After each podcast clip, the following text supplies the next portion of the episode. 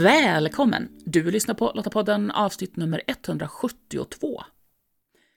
Det här är den sjätte av sju delar i poddserien Stärk ditt ledarskap och i det här avsnittet så samtalar jag, Maria Öst, med David Bergman som är officer och doktor i psykologi verksam vid Försvarshögskolan. Och vi pratar om att leda under press. I förra avsnittet så handlade det, det ju om hur ett destruktivt ledarskap påverkar. Och vi konstaterade då att vi alla som ledare kan ha en dålig dag då vi uppvisar destruktiva ledarbeteenden. Men om våra medarbetare har tillit till oss och vårt ledarskap, ja men då är påverkan liten. Mesta del av vår tid som ledare så är ju ändå omgivningen lugn och städad och vi har tid att bygga relationer och inkludera vårt team och bygga tilliten. Men vad händer om omgivningen plötsligt innebär fara för liv och vi behöver leda under stark press? Om det är en ovan situation för oss, ja men då kanske det gör att vårt ledarskap lämnar en del att önska.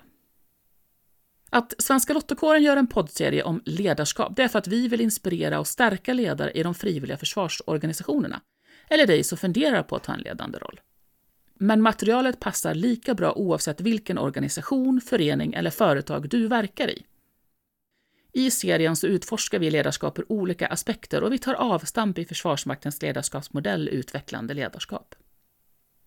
Lottapodden den är producerad av Svenska Lottakåren och vi är en frivillig försvarsorganisation som engagerar och utbildar kvinnor som vill göra skillnad i vardag, kris och krig för att stärka samhällets beredskap och totalförsvaret.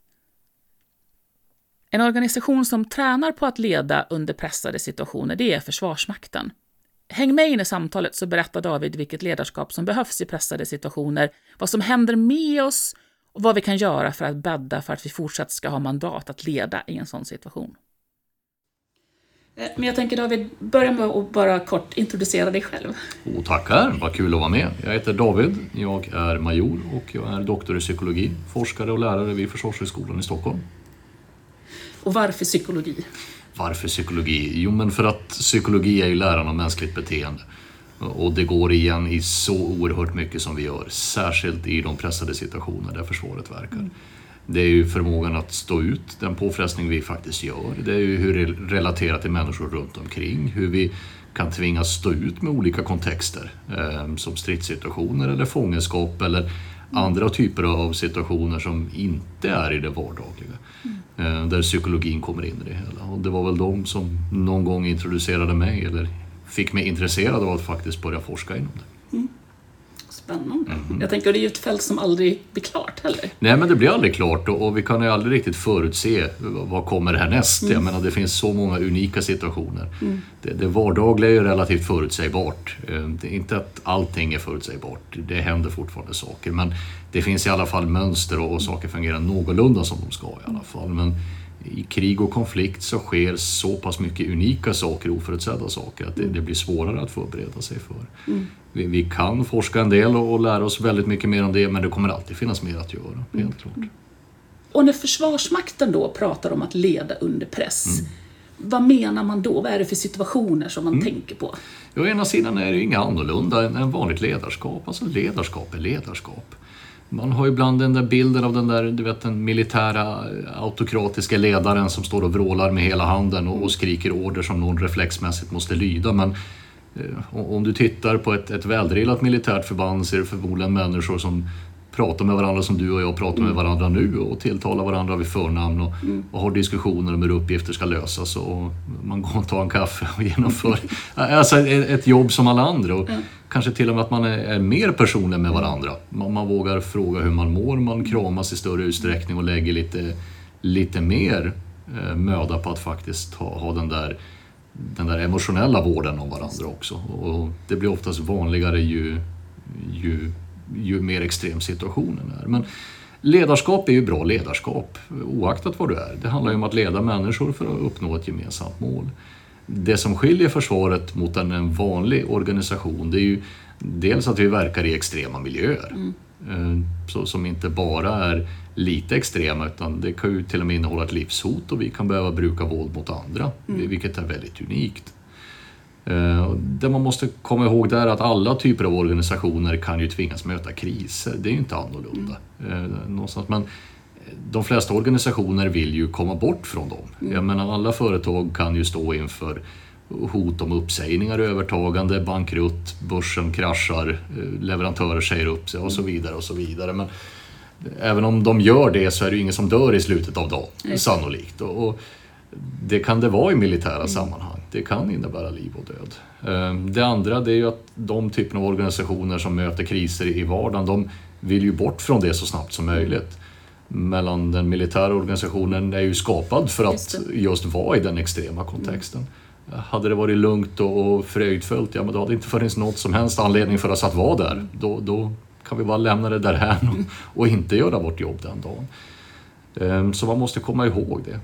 Sen samtidigt märker man att ja, men i sådana situationer, när situationen blir så extrem, så är det också viktigare nu på det moderna slagfältet att varje soldat måste kunna ha en, en autonomi att uppträda ner på enskilda soldatnivån. Så visst, vi har en, en, en väldigt hierarkiskt system för att ha en hastighet i hur vi leder förbanden. Samtidigt måste jag också i viss mån ha så välutbildade underställda och så hög sammanhållning, så hög tillit inom förbandet att jag faktiskt i ganska stor utsträckning lämnar upp till individer, grupper, plutoner under mig exakt, exakt hur de löser det. Och om jag försöker att leda det med den där gamla traditionella stereotypa bilden av den militära tyrannen, då blir jag för stel i, i mitt ledande. Jag kommer inte vara framgångsrik och jag kan inte anpassa mig efter ett väldigt dynamiskt och ganska snabbt händelseförlopp. Så någonstans där krossar vi lite myten av den där stereotypa militära bilden. Det, det, det är där. Och snarare har vi en ganska varm organisation. Sen kommer det där, ja men är det helt en myt då? Nej, det är det självklart inte. Det finns tider när jag behöver skrika en order som reflexmässigt ska lydas och det kan hända att jag höjer rösten när jag behöver göra det för att höras i stridens larm. Så viss rätta finns det väl i stereotyperna fortfarande i alla fall. Ja, men jag tänker det är ju situationen, var vi är någonstans och, och vad det är som händer som Mm. avgör. Tänker jag. Väldigt mycket. Och i grunden där är ju såklart att ja, men vi, vi måste anpassa oss efter kontexten. Eh, vad är det vi ska göra där? Hur, hur pass akt, akut är ett externt hot? Vad är det för uppgift vi ska lösa? Alla typer av situationer kräver inte samma typ av ledarskap. Vad är det för typ av grupp eller organisation eller jag, jag leder här? Jag menar, olika grupper är framförallt olika utbildade, tränade, selekterade men vi har också nått olika långt i vår mognadsprocess. Och alla ledare är också unika. Vi, vi pratar mycket det med, med autentiskt ledarskap. Alltså du måste leda utifrån dig själv. Eh, Särskilt i de mest org, alltså hierarkiska organisationerna så, så måste jag fortfarande vara mig själv och kunna ha den här svårdefinierbara kontakten med underställda. Och det där blir särskilt utmärkande just ju mer extrem situationen blir. Försöker jag vara den där stereotypa bilden av någon som står orolig, ja men det håller i fem sekunder om du försöker hålla en fasad. Det går helt enkelt inte. Utan man bygger väldigt mycket på att vara en autentisk ledare och sen helt enkelt vilket exakt ledarskap är bäst i varje situation. Ja, men där måste nog ledaren, gruppen, organisationen, uppgiften och kontexten, de, de planerna ska stå i en viss linje för att säga vad exakt är rätt och fel i det här sammanhanget. Och även då finns det inte något absolut rätt svar helt enkelt. Det är lite trial and error. Lära Ja. sig av erfarenhet. Alltså i viss mån kan du ha erfarenhetsvärden, men de erfarenhetsvärdena är ju aldrig absoluta. Du kommer aldrig kunna ha ett, ett mindmap. Jag kan inte reducera det vi pratar om här till någon jäkla IKEA-manual och säga gör så här i den här typsituationen så kommer det lösa sig. Det, det har vi nog alla märkt och jag brukar återkomma till den där svårdefinierbara begreppet trupparcharm som man ibland använder.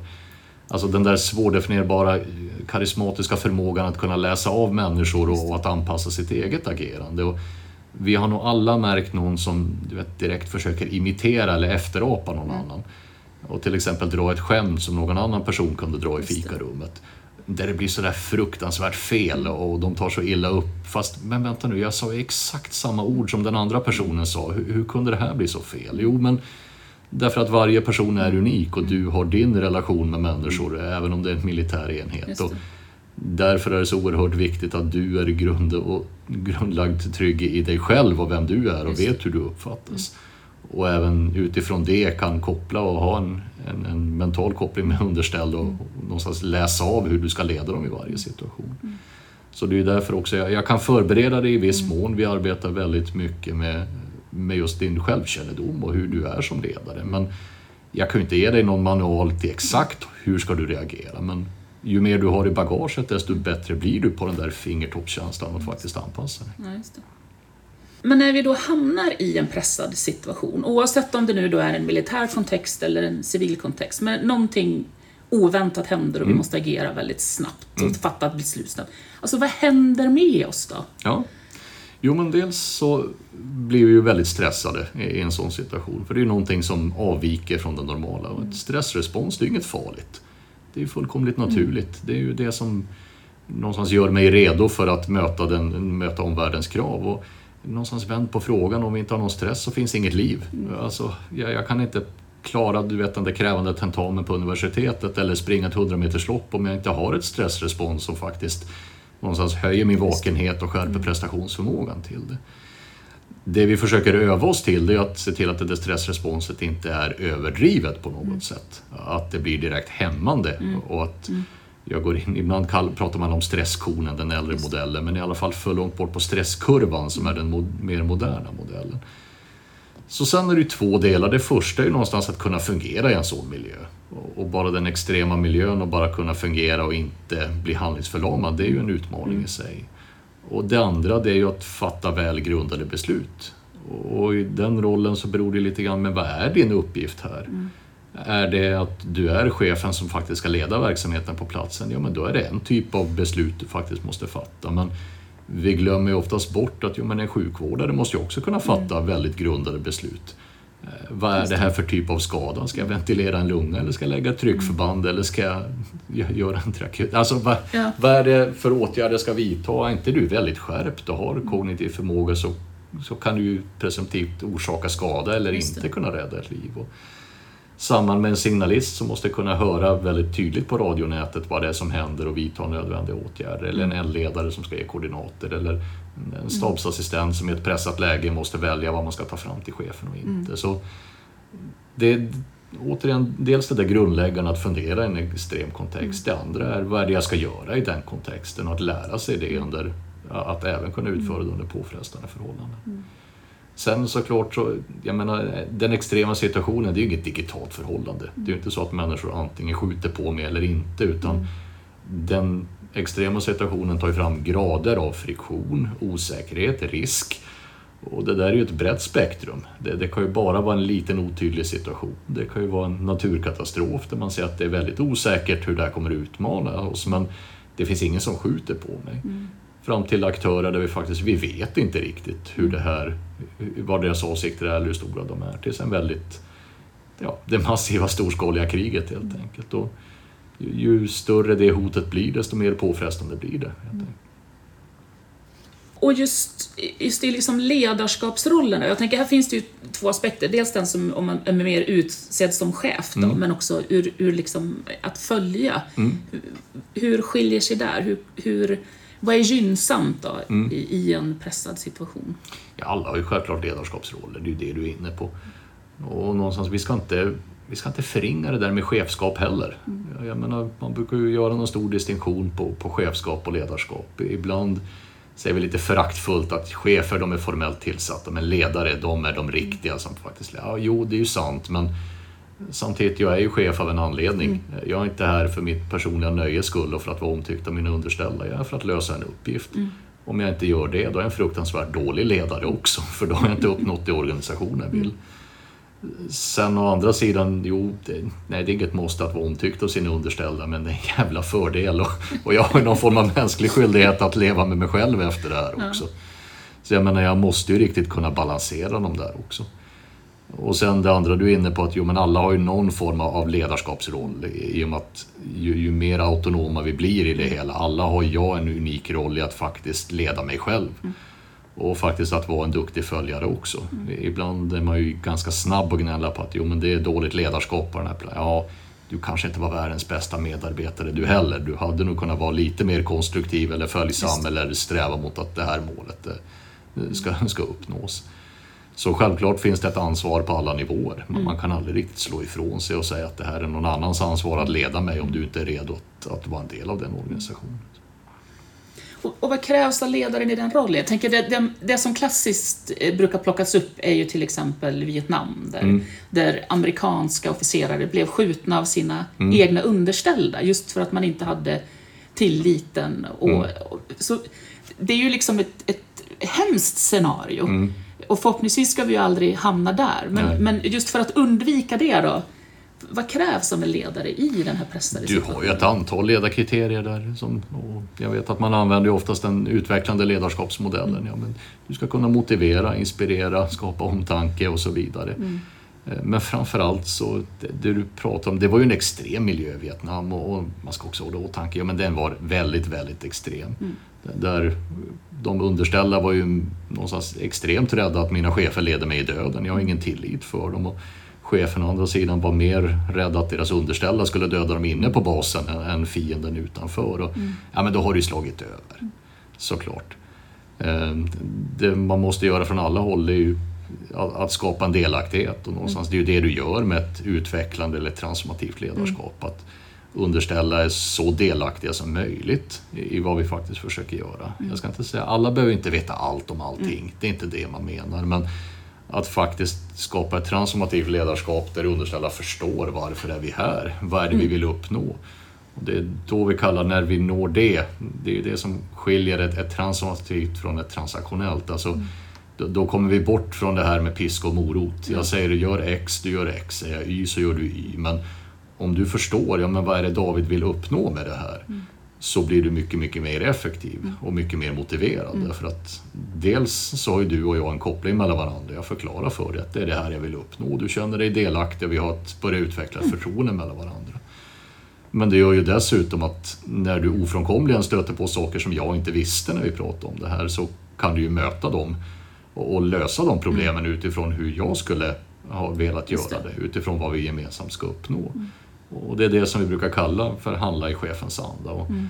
Har du och jag en jättehög grad av tillit så kan det ju till och med hända att du hamnar i de situationerna att men vet du, jag måste aktivt bryta mot Davids order här. Därför att det. det här kommer en faktor som jag, jag, förstår vad han vill men det här såg inte han när han gav den ordern. Och I det här fallet är det till och med relevant att direkt gå emot honom och bryta mot den ordern men så snabbt som möjligt orientera honom om att nu behöver vi vidta nya åtgärder. Och, den typen av tillit, eh, någonstans, den får du inte om du inte har en väldigt eh, hög grad av samarbete mellan anställda och underställda. Mm.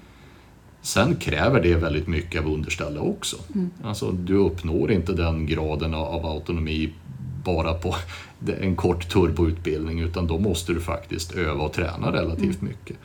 Och det är där också vi ser att ja, men ju bättre de förbanden blir på det, desto mer effektiva är de i strid, desto bättre löser de sina uppgifter, desto mer resistenta är de mot stress och stressreaktioner efteråt och mer anpassningsbara efter varierande kontexter. Så det är onekligen så att men det kräver oerhört mycket både av chef och underställda, men också det understryker vikten av ständig träning och utbildning. Men det låter ju då som att nyckeln är ju att verkligen jobba förebyggande, att ja. skapa den här tilliten, gemenskapen, när ändå vardagen är lite mer lugn och vi kan öva i lugn och ro. För då kan jag också vara lite mer, ta snabba beslut och vara lite mer tydlig och rak ja. när jag behöver det. Absolut. Och det brukar man ju säga att jo, men när ett behov uppstår, då är det för sent att börja träna för det. Då, då, har vi, då spelar vi med de korten vi har på handen just då. Men du är inne på det här att kontinuerligt tränas och utbildas. Mm. Den, den, största idiotkommentaren jag vet, det är att ja, jag har redan varit med på en övning, jag behöver inte göra det här igen. Ja, just det. Ja, det är ju riktigt. Du har gjort det en gång. Mm. Ja, det var ju tipptopp. Tänk om Zlatan hade sagt att jag har redan övat straffskott en gång, jag behöver inte göra det igen. Alltså, ju mer vi övar, desto fler scenarier kan vi ju hantera. Mm. Och det vi måste tänka på att ja, men vi vet ju inte exakt vilka situationer vi kommer att ställas inför. Mm. Men jag vet klart som tusan att det inte kommer se ut som nästet på skjutfältet eller mm. G2ans skjutbana eller stabsträningshallen. Mm. Utan snarare kommer det vara något unikt som jag inte riktigt kan helt förutse. Men ju mer vi har övat under fredstid, desto bättre rustade är vi att jo, men jag har i alla fall någonting i registret, mm. någonting här på paletten som jag kan applicera i den här situationen. Och ju bättre rustade du och jag har pratat mm. igenom olika situationer, ju bättre vi känner varandra och ju högre förtroende vi känner, desto bättre löser vi de situationerna då. Mm. Och liksom ledarskapsmodellen då i Försvarsmakten handlar ju just om det utvecklande ledarskapet. Att, att, inspirera och vara ett föredöme. Mm. Men eh, kan jag agera i den andan även när det är en väldigt pressad situation? Hur Ja. applicerar jag där? För Absolut. där ska det, måste, behöver det kanske gå väldigt snabbt. Ja. Och de är ju ingen motsatsförhållanden till varandra. Och, och det man ska komma ihåg med alla typer av ledarskapsmodeller är att jo, men de är ju modeller. Alltså det är ingen jäkla IKEA-manual i exakt vilken skruv du ska skruva i vad, utan det är ett grovt sätt att förstå det. Den utvecklande ledarskapsmodellen, den utgår ifrån men vilken typ av person behöver jag vara för att, att leda den här typen av människor. Tittar du tillbaka på de äldre med, med det situationsanpassade ledarskapet så utgår de väldigt mycket från vilken grad av mognad har gruppen jag ska leda i det här fallet och vilken kontext är det, alltså hur komplicerad situation är det vi möter. Och såklart, där märker man direkt att jo, men den utvecklande ledarskapsmodellen den säger väldigt lite om kontexten och gruppen men den situationsanpassade säger väldigt lite om hur jag behöver vara för att det. Så på något sätt, modellerna är jättebra, vi behöver dem men du ska inte ta dem som den absoluta manualen för någonting. Utan snarare den, den utvecklar oss i den riktningen där vi bör faktiskt leda. Hög grad av tillit för att kunna möta så många kontexter som möjligt. Det du är inne på där med att det, motsatsen till det, det är ju till, till uppdragstaktik och utvecklande ledarskap, det är ju ibland det vi kallar kommandostyrning. Eh, och det är inget motsatsförhållande. Många tror ju det. Men nu skriker du och domderar och, och faktiskt pekar med hela handen. Ja, det gör jag. För i vissa situationer så krävs det faktiskt. Och det kan antingen vara väldigt tidspressade situationer. Alltså det, det kommer att komma situationer i strid där jag av tidspress, av andra anledningar eller av sekretess, jag kanske inte ens kan eller får tala om för dig varför jag ger en viss order. Men det som är gemensamt där är att när du lyder en sån order så gör du det då inte för att auktoriteten hos mig kräver det utan för att vi har en hög grad av tillit från dig till mig. Att, jo, men David behöver inte säga den här anledningen för vi har en så hög grad av tillit att jag vet att det finns en bra anledning. Och därför är det viktigt att ha ett utvecklande ledarskap så stor del av tiden för att kunna ta ut från det kontot Just när du väl ger en riktig order. Sen är det också så att ja, men vissa delar av militär strid kräver en hög grad av samordning. Eh, till exempel ja, men inom flygvapnet och luftlägessamordning till exempel. När du ska in stridsflyg och helikoptrar och indirekt eld och markförband inom samma luftlägesruta. Ja, men då kan inte alla bestämma själv. Jag måste ganska diktatoriskt styra exakt vad du gör och vid vilket tidpunkt du gör det. Eh, Men, men alltså, det gemensamma är att de där är inga motsatsförhållanden. De, de existerar i viss mån kräver varandras existens för att kunna, eh, för att kunna finnas. Och vi har varit inne och touchat på det, men vad skulle du säga då är liksom medarbetarens eller följarens roll då Mm. i en pressad situation? Ja, självklart att alltså, ta initiativförmåga och en, en hög grad av lojalitet mot chefens uppgift såklart. Och det är väl där viktigt, som jag sa, alla behöver inte veta allting. S- Alltså gemene skyttesoldat eller gemene stabsassistent eller signalist eller sjukvårdare, de behöver inte alltid veta hela komplexiteten. Men ju mer de vet om vad är det vi vill uppnå i stort, desto bättre blir de ju att anpassa sig.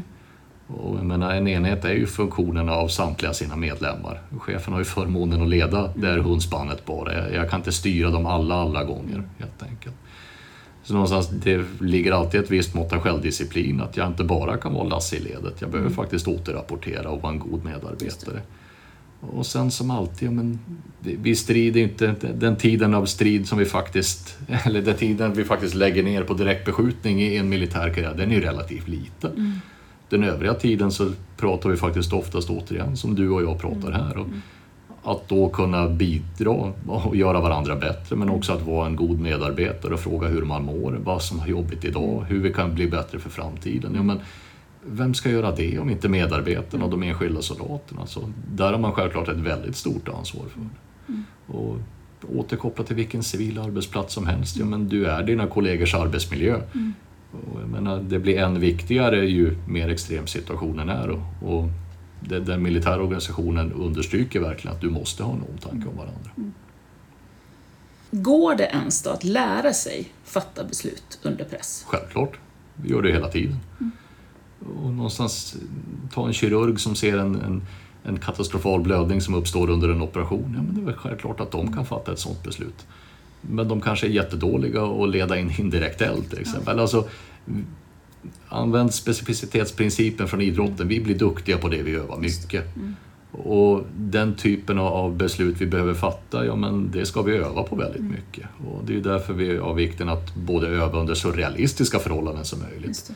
En solig sommardag ute i kohagen och ligga med ett grässtrå i munnen och fatta ett beslut. Ja men det är väl ganska enkelt. När jag, du vet, jag har en pizza i magen och solen skiner och jag får gå hem i slutet på dagen. Och Samtidigt när jag är blöt, kall, trött och hungrig och vi har lite motsättning i gruppen. Alla är griniga mm. och vi vill bara hem och det är ett komplext problem som kanske inte alltid har ett givet svar. Det kanske är, jag måste välja det minst dåliga av två alternativ. Ja, men där kommer vi in på det hela, det, det som faktiskt är utmanande. Och faktiskt veta men hur kan jag fungera i de här situationerna men också hur fattar jag besluten och vad leder de till i så fall. Hur kan jag som ledare då reflektera över mig själv och min beslutsförmåga och mina beteenden? Det är nog ingen ninja-lösning där helt enkelt. Alltså, du är inne på alltså, reflektera mm. själv, där har vi absoluta grunden. Det, det första är att inse någonstans, ja, men jag är inte en fulländad person. Mm. Mm. Och, som vi var inne på, det, det största idiotargumentet i världen är att jag har redan gjort det här, jag mm. behöver inte göra det igen. Ja, men, omfattande att du kommer att öva det här så länge du är med i den här militära mm. organisationen. Tycker du att du kan det, då är du den största idioten i världen. Mm. För då, då ska du gå vidare till något annat. Utan snarare var väldigt öppen, var väldigt lyhörd för andra, ständigt ta in nya delar. Man behöver inte, man behöver inte alltid kasta ut allt varje år, det är ju den andra extremen.